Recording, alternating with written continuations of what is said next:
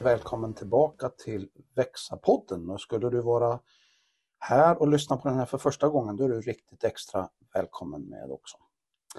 Eh, Växa-podden är någonting som vi gör tillsammans eh, och, Det är Sam Wolin. och det är Svante Hector och vi är båda ifrån Karlstad. Yes.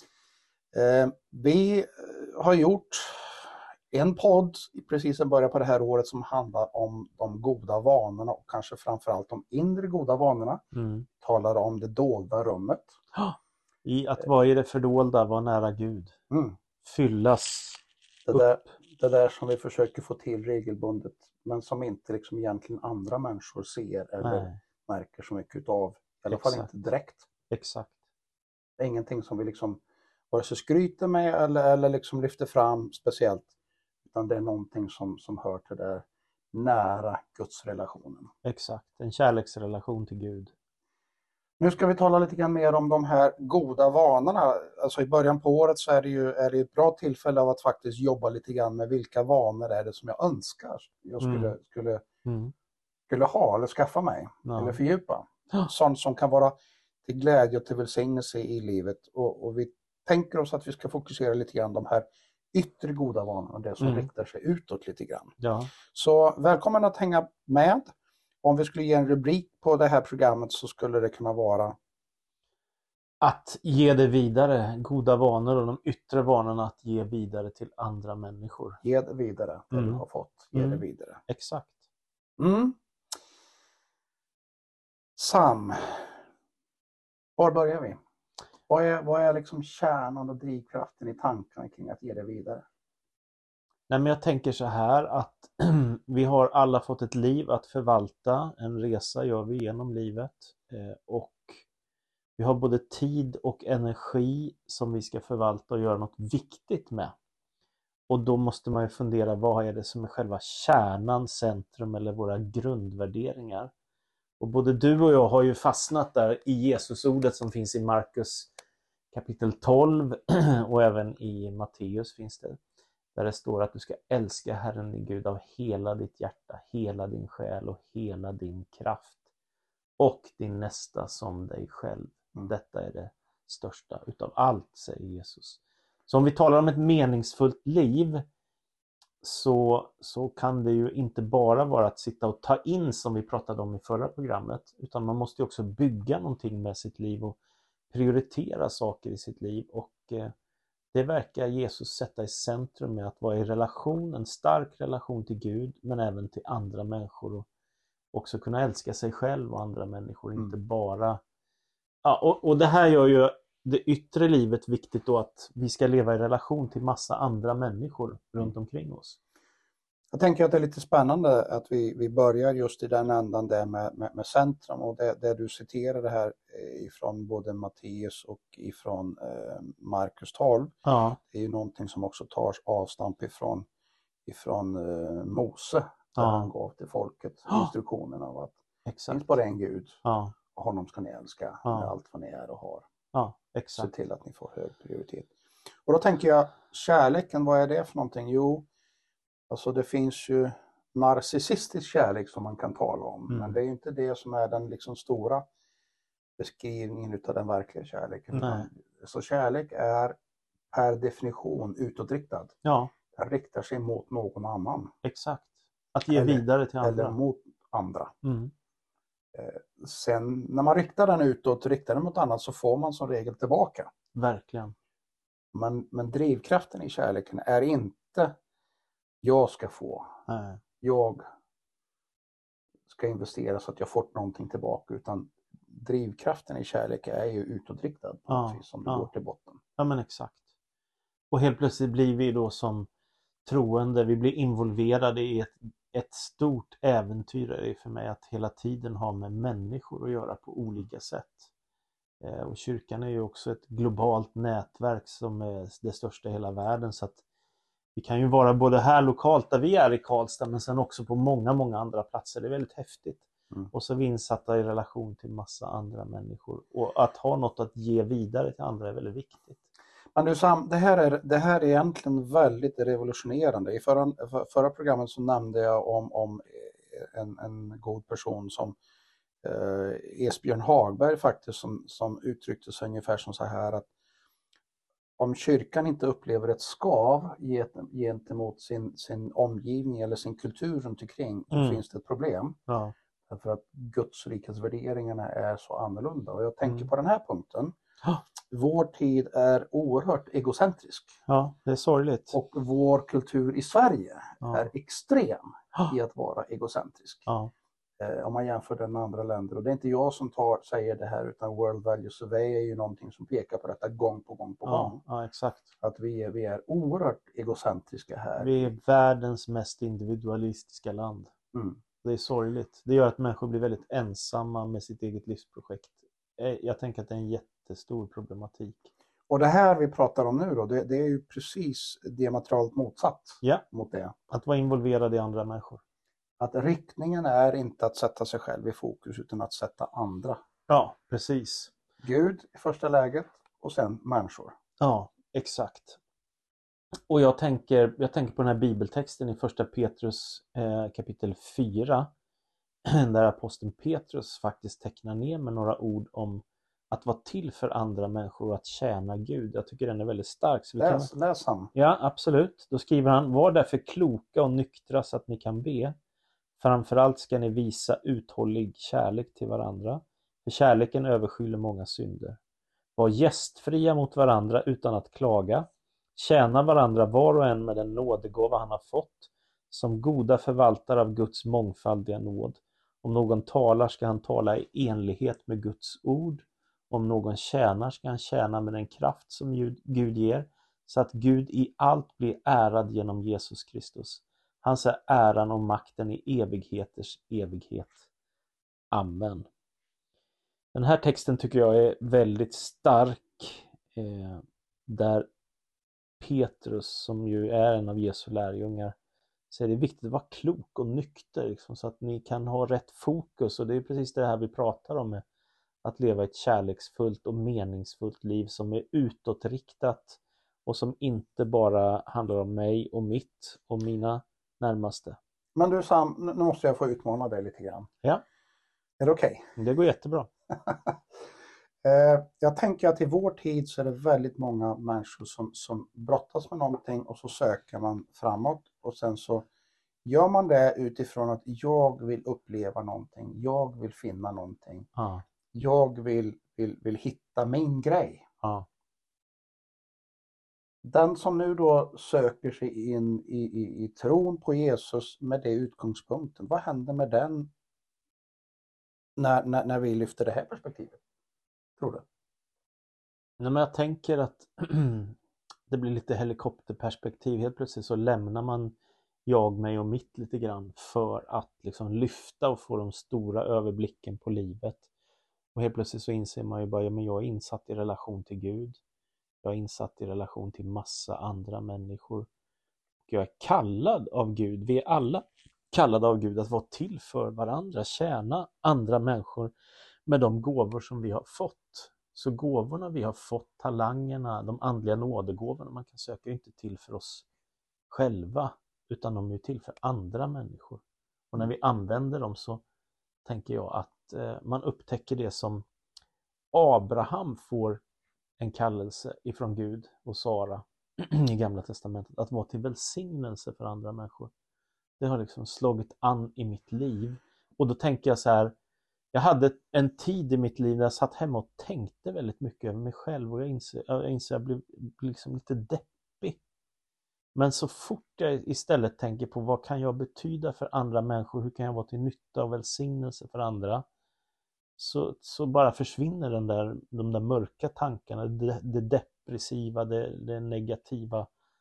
Jag har fått gåvor som jag kan ställa i Guds tjänst och så kan jag bli till välsignelse för andra och en del kanske tycker att det är ett religiöst svårt ord men om man då tänker motsatsen är att vara till förbannelse för andra. Mm. Alltså jag tänker nu med alla krig som pågår i vår värld, det är en förbannelse.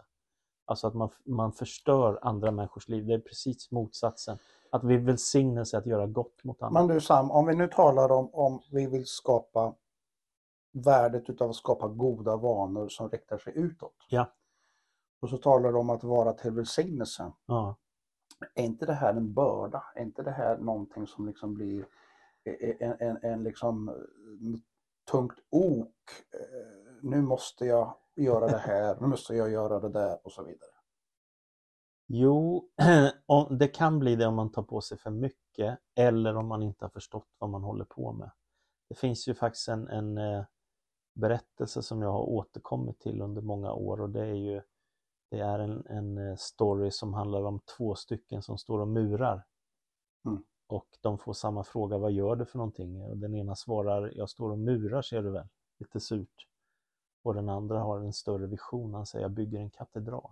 Mm. Så jag tänker att det gäller att förstå att vi kan vara till, vi kan vara till välsignelse, godhet, kärlek, glädje. Liksom. Och, och jag tänker, hur, vad ska man annars göra? Alltså, ska vi sitta hemma och ruttna tills vi dör? Alltså, man måste ju använda det som man har fått av tid, av gåvor, talanger, eh, andliga gåvor. Eh, jag menar, ta en, jag bara ta ett konkret exempel, någon som har fått en gåva att sjunga. Men om du inte använder det så blir det helt meningslöst. Mm. Eller om du kan bygga ett hus, nu tar jag väldigt konkreta exempel. Du kan inte sitta och vänta bara utan du måste ju... Det är ju häftigt att få göra sådana här grejer. Mm. Helt plötsligt har du byggt ett hus, skrivit en bok, spelat in en skiva, eh, börjat jobba på ett nytt jobb eller vågat ta den där eh, chefstjänsten eller, eller faktiskt bli ordförande i kyrkan som du tillhör eller, eller få vara med i söndagsskolan och bry dig om barnen. Eller, alltså, det finns ju hur mycket möjligheter som helst. Och jag tänker, det är meningsfullt att vara i tjänst för Gud och att använda sina gåvor. Verkligen. Vad tänker du? Så det är det som är det meningsfulla livet alltså, att, att, att vara i funktion? Ja, jag tänker det. Alltså vi, jag tänker att om det vi pratade om förra gången i vårt program, att byggas upp i det inre, så är det ju att få ge vidare till andra människor som, som gör en väldigt lycklig. Eh, och man kan göra det på många olika sätt. Det kan ju vara att det här bibelordet vi nämnde förra gången också, Apostlagärningarna 1, ni ska få kraft när den helige Ande kommer över er och ni ska vittna om mig. Eller Matteus 25, vad ni har gjort för en av dessa mina minsta, det har ni gjort för mig. Mm. Så att vara involverad i tjänst för Gud och leva för Guds ära och Guds namn. Och att älska människor som har det svårt och kanske jobba ihop med människor, ja men det är fruktansvärt meningsfullt. Jag, menar, man, liksom, jag, jag har en konkret, en av mina vänner som har blivit pensionär, han sa ja, jag vet att du har mycket Sam och ibland kan det vara tungt. Men du ska veta att det är mycket roligare än att inte ha något dagsprogram och, och, inte veta vad man ska göra med sina dagar riktigt så. Mm. Mm. Så att, att, att, att, ha ett ok som man ska dra, det är en välsignelse, det är häftigt. Och jag pratade, pratade här idag med, med en god vän som är pensionär. Han konstaterar att ah, jag jobbar i princip heltid nu. Har svårt att sluta? Ja, uppdragen och, och, och liksom att få vara i funktion med hans erfarenheter Ja. Eh, ja, men det öppnades en massa dörrar för honom. Ja. Och, och, och, ja, han behövde jobba lite grann med att skapa tillräckligt mycket tid för sin, för sin familj, sina barn och barnbarn. Ja, ja, du ser. Som ju ändå är... Så det finns möjligheter oavsett om man är ung och inte har fått ett jobb än eller om man har blivit gammal och mm. eh, inte längre är yrkesverksam och kanske kämpar med hälsan eller så, så kan ändå vara till välsignelse. Har du några konkreta grejer du kan berätta från ditt liv där du minns Wow, här blev jag till välsignelse eller något sånt? Nej, men jag har ju fått förmånen av att, att, att jobba mycket med undervisning och att utveckla människor. Ja. Och eh, som lärare har jag ju då mm, tränat människor på olika sätt. Allt ifrån gymnasiet här i Sverige till, till ledare i, i Asien eller i Afrika eller i Mellanöstern. Så. Så du har haft flera olika roller. Du har varit gymnasielärare? Jag har varit gymnasielärare, absolut. Det har jag varit. Men den större delen av min tid så har jag jobbat med att, att, att träna andra människor, undervisa. Ganska mycket ledarskapsträning? Mycket, mycket av det, ja, absolut. Och det är i IBRA? Berätta eh, något kort om jag har som... kopplat till IBRA som är, är ju en, en, en, en missionsorganisation med, med, med, media som verktyg. Ah. Som, som riktar sig framförallt till de minst nådda ja. eh, runt om i världen. De som inte har hört evangeliet de som om inte Jesus. Har hört evangeliet, ja precis. Ja. Får ursäkta min röst lite grann. Jag tappar rösten här för, för ett par veckor sedan och jag har nätt och jämnt hitta tillbaka till det. att, eh, ja, men det funkar. Det är lugnt. Ja. Ja. Nej, men, och jag, jag tänker bland de, de lyckligaste stunderna i mitt liv har faktiskt varit när jag sen många år senare har stött på eh, elever som jag har haft. Eh, som har varit med på en kurs eller som jag har haft i, på gymnasiet eller som jag har, har haft på någon workshop någonstans. Och få deras återkoppling, mm. framförallt när det har gått en tid. Mm. Jag minns speciellt vid ett tillfälle, jag var på resande fot, var på väg till Asien och stötte på en före detta elev som jag hade på gymnasiet. Mm. Och han var då på väg, jag tror att det var på, på samma resa till, till Hongkong som vi stötte på varandra. Ja. Och han var då alltså en, en ung man eh, och som hade ja, jobbat med, med, med, datateknik och datakommunikation. Och det var där vi hade mötts på gymnasiet. Mm. Eh, och nu var han på väg till Hongkong och han mm. skulle göra ett uppdrag för sitt företag eh, på Hongkongs stora flygplats. Mm. Eh, och han uttryckte bara någon form av tacksamhet över det han hade fått med sig ifrån, ifrån skolan där jag var lärare. Då. Mm. Vad härligt. Och jag bara kände wow, här stötte jag på honom. Och ja. det är liksom inte något litet, litet, liten hörna utav jorden utan han är på väg till en storstad, ja. till en gigantisk eh, flygplats ja. där han ska vara med och bidra för att få den att fungera ännu bättre. Och då hade du blivit till uppmuntran och glädje för honom? Och... Uppenbarligen var det så. Ja, häftigt. Så det är ett exempel. Jag kommer ihåg ett annat tillfälle jag satt i, i Kairo. Mm. Eh, och så mötte jag min vän eh, John som jag hade haft någonstans 10-15 år tidigare på en kurs. Mm. Eh, en, en kurs, en typ av ledarkurs. Och så säger han, ja men den där kursen har ju betytt, den har fullständigt revolutionerat mitt sätt att vara ledare. Den är ja. helt avgörande för hur jag fungerar som ledare idag. Mm. Eh, och då blev jag bara så oerhört tacksam över att wow, jag mm. betydde mm. någonting för den personen där och då med någonting som faktiskt fortsätter att bära frukt eller vara till glädje. Och då har jag känt, wow, har jag inte gjort något annat meningsfullt så var det här i alla fall värt mm. oerhört meningsfullt. Mm. Mm.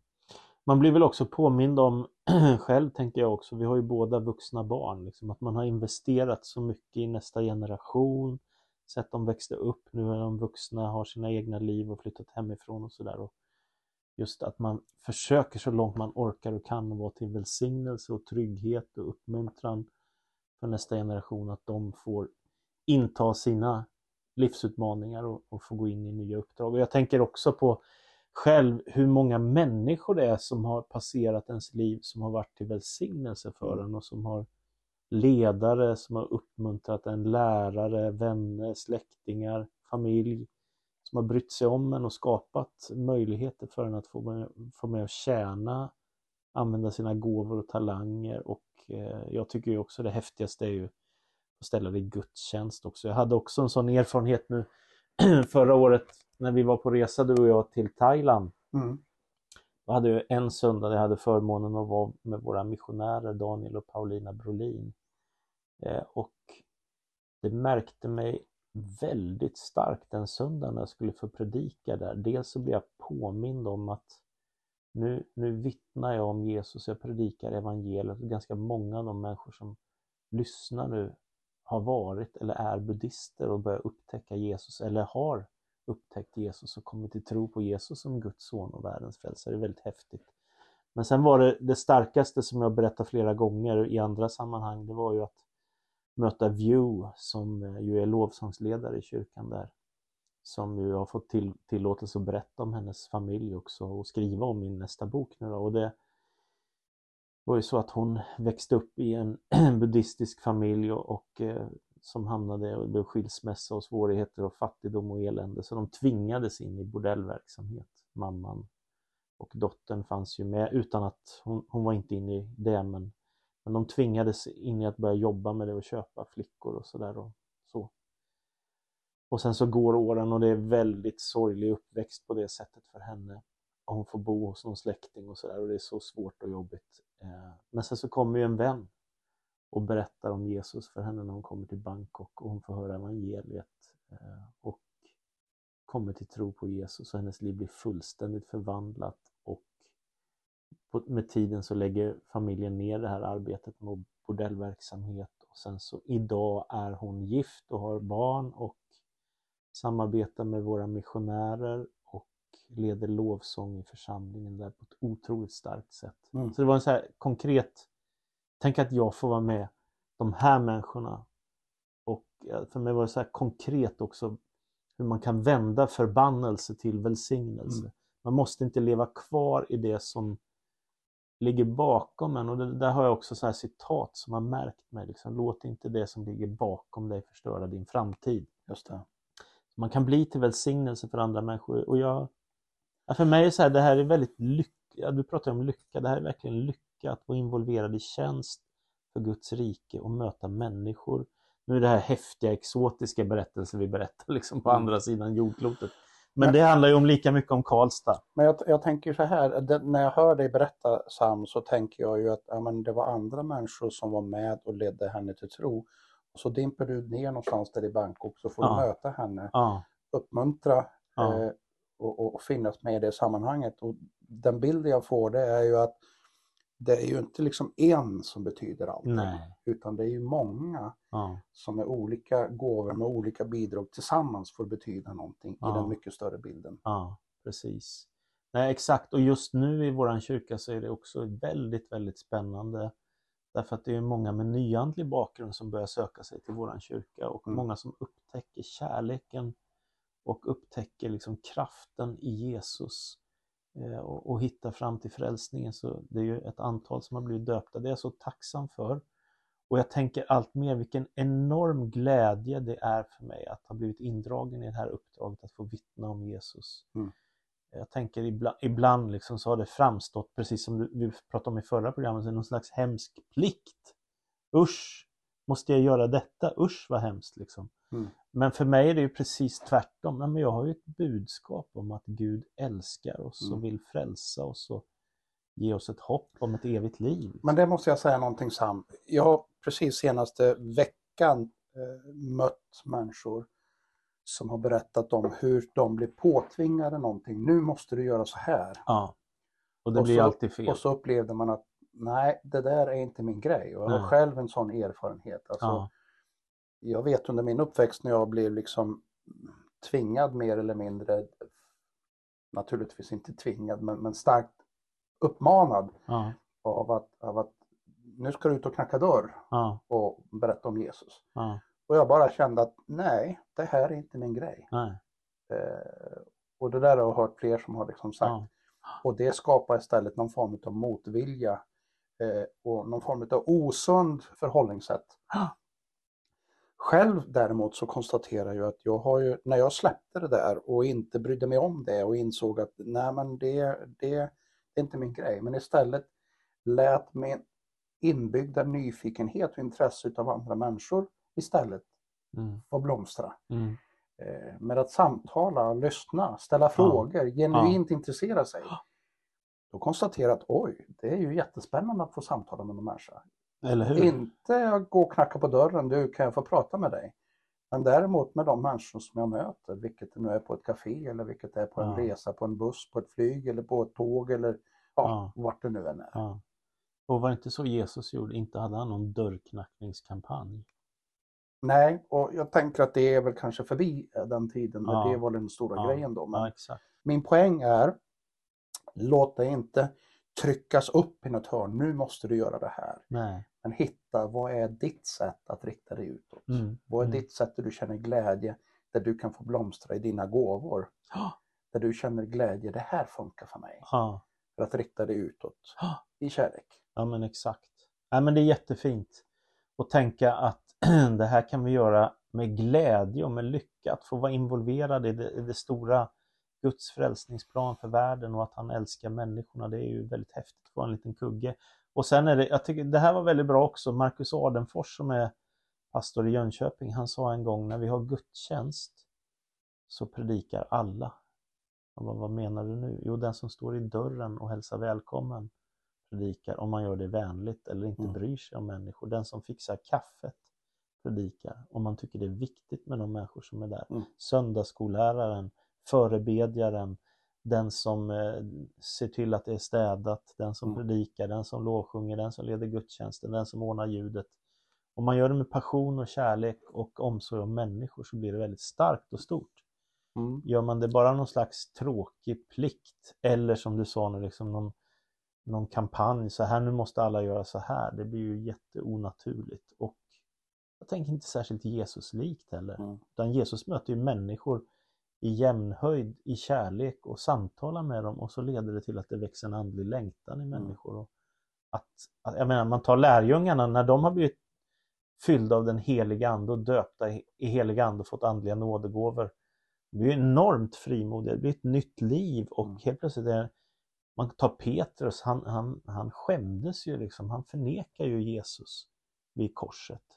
Men när han blivit uppfylld av den heliga ande, då vill han predika inför alla dessa tusentals människor. Och så får de leda människor till tro och dop i vatten. Men det är ju Mm. jättehäftigt.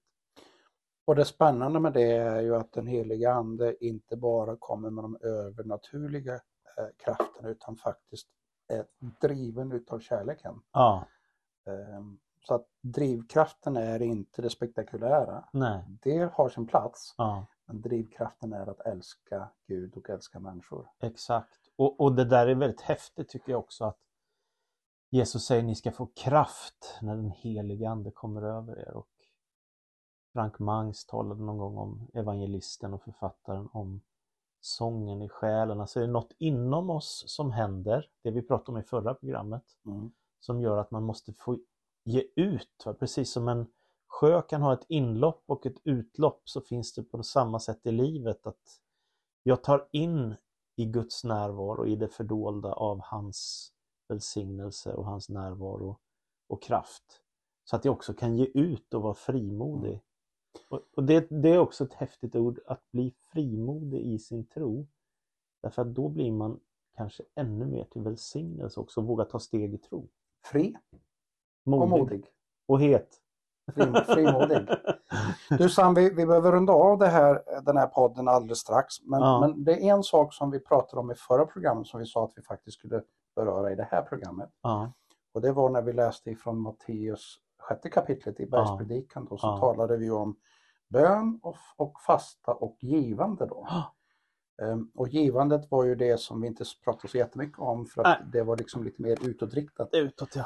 Eh, vilken plats har givande Eh, i det här sammanhanget när vi talar om goda vanor som riktar sig utåt? Nej, men om man tänker att de talanger och gåvor som man har, den, den ledarskapsgåva man till exempel har, så det betyder ju enormt mycket att få sätta det i tjänst därför att det skapar ett meningsfullt liv. Liksom, att kunna bli till glädje, uppmuntran och välsignelse för andra. Sen är ju, sen är ju också då eh, ekonomi faktiskt en väldigt viktig del därför att det skapar förutsättningar för att göra något större än bara det man kan göra själv. Eh, Och det kan ju vara med och, och stötta den kyrka som man tillhör. Det kan vara att göra insatser av välgörenhet för människor som har det väldigt svårt. Så att jag tänker, eh, för min del då som vuxen människa så vi har bara fattat ett beslut i vårt liv att vi ska ge generöst varje månad ordentligt med pengar till saker som är viktigt för oss. Mm. Eh, och eh, jag tänker att eh, det skulle vara väldigt olyckligt för mig att istället bara sätta dem på ett sparkonto på banken och satsa på mig själv. Utan jag tänker att, att få ge bort pengar, det, är, det gör ju att, att istället för att vara självisk så kan liksom godhet uttryckas. Kyrkan jag tillhör blir starkare för vi kan anställa fler eller göra fler verksamheter eller fler missionssatsningar eller socialt arbete. Eller om det är något annat det handlar om, liksom att vara generös, att ge av sina ekonomiska tillgångar. Ja, men jag tänker det är en välsignelse. Helt plötsligt så... så Är det inte jobbigt att vara generös? Sam? Nej, inte alls. Alltså det, det enda jag tänker, eh, om, man, om vi talar om ekonomi och vara generös, det är att om man är väldigt fattig, då har jag största respekt för att det är svårt att ge bort pengar. Men om man har ett van, hyggligt vanligt liv i Sverige, att man har en inkomst eller pension eller någonting sånt, så, så är det ju självklart att, att man faktiskt har råd ja, de allra flesta i alla fall, kanske inte alla, men de flesta har råd att ge bort pengar regelbundet. En av mina vänner han sa så här, jag har en, den tyckte jag var intressant. Jag har en princip, sa han, jag ger bort 10% av min inkomst varje månad till kyrkan och till viktiga saker och jag ger bort, eller förlåt, jag sparar 10% av min inkomst varje månad. Det kanske inte alla kan göra, men jag tyckte det var en intressant princip. Han lever på 80% av sin inkomst varje månad och 20% så det ena halvan sparar han för att ha resurser när det behövs och andra halvan ger han bort till kyrkan eller till viktiga saker som, som betyder något för honom eller för andra människor. Och det här är inte någonting som du samlar meriter på eller som du gör av plikt utan Nej. det här är någonting som, som Bibeln återkommer till. Det, det handlar om, om, om att göra det med glädje. Ja, exakt. För att jag vill, för att jag älskar. Ja, och där står det också i Bibeln, Gud älskar en glad givare, så jag tänker att att vara en generös människa som involverar sig i något mer än sitt eget liv är väldigt Mm. lyckligt. Mm. Och att få använda sina gåvor och sin tid till något mer än ens eget livsprojekt, det är fantastiskt.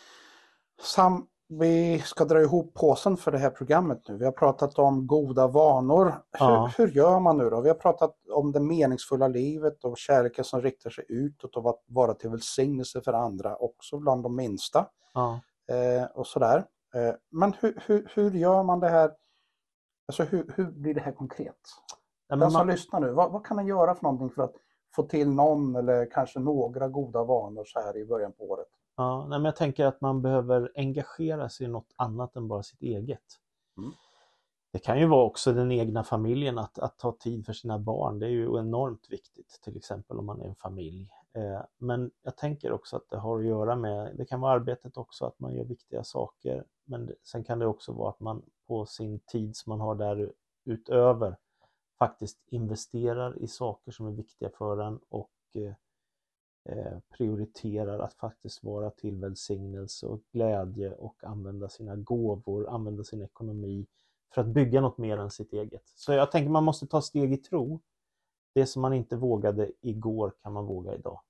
Man kan vara en volontär i kyrkan. Ja, Man kan, eh, man kan vara exempelvis i vår kyrka så har vi ett språkcafé. Man Ja. kan gå dit Ja. eh, för att samtala, för att precis. investera i en annan människas liv. Ja, exakt. Söndagsskollärare, förebedjare, servicefolk i kyrkan, städning, liksom vara med på att engagera sig för mission eller socialt arbete eller Kan göra en insats på en second hand-butik. en second hand-butik som vi har, Gengåvan, den behöver fler volontärer eller ungdomsarbete eller ja, bönesamlingar. Det finns hur mycket som helst man kan engagera sig i.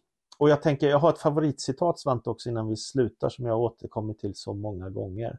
Rick Warren han säger så här om betydelsen att engagera sig i tjänst för andra för att bli till välsignelse. Att det behövs inte några fullkomliga människor utan det är vanliga Mm. bristfälliga människor. Det står så här. Om du inte är engagerad i tjänst, vad har du för ursäkt? Abraham var gammal, Jakob var osäker, Lea var ful, Josef var misshandlad, Moses stammade, Gideon var fattig, Simson var beroende, Raka var omoralisk, David begick äktenskapsbrott, Elia ville ta livet av sig, Jeremia var deprimerad, Jona var motspänstig, Nomi var änka, Johannes döparen var excentrisk, Petrus var impulsiv och hetlevrad, Marta oroade sig mycket, den samariska kvinnan hade misslyckade äktenskap, Sackaios var impopulär, Thomas tvivlade, Paulus var klen till hälsan och Timoteus var blyg. Det var stor variation på deras brister, men Gud använde var och en av dessa människor och han använder dig om du slutar att komma med ursäkter. Wow, Det är ett favoritcitat för mig. där kom den. Hörru, du som har lyssnat, hoppas att du har fått med dig någonting av det här eh, samtalet, den här podden. Och frågan till dig är, vilka vanor behöver du utveckla? Är det något du behöver lägga till eller något du behöver fördjupa? Ja, Fundera över det. ja, Fundera över om det är något nytt steg du behöver ta. Och rådet är att sträck dig inte för långt. Ta inte för, liksom, för stort steg. nej, Men ta något eller några små steg. ja, Smaka på det, hur det känns. och låt det istället få kanske växa steg för steg så som Exakt. glädjen och möjligheten öppnar sig för dig ja men verkligen. Och jag tänker till slut att den här kärleken som vi pratar om i centrum, den kan göra både att man söker sig till det fördolda som vi pratade om förra gången och att man vill hjälpa andra människor och ge ut av det man har fått, ge det vidare. Testa, pröva, se vad du kan göra och har du frågor eller funderingar, hör gärna av dig. Våra kontakter finns på karlstad.ping.se. Och en sak är säker, vi återkommer med fler meningsfulla saker att samtala om. Jajamän, bye bye. Bye bye.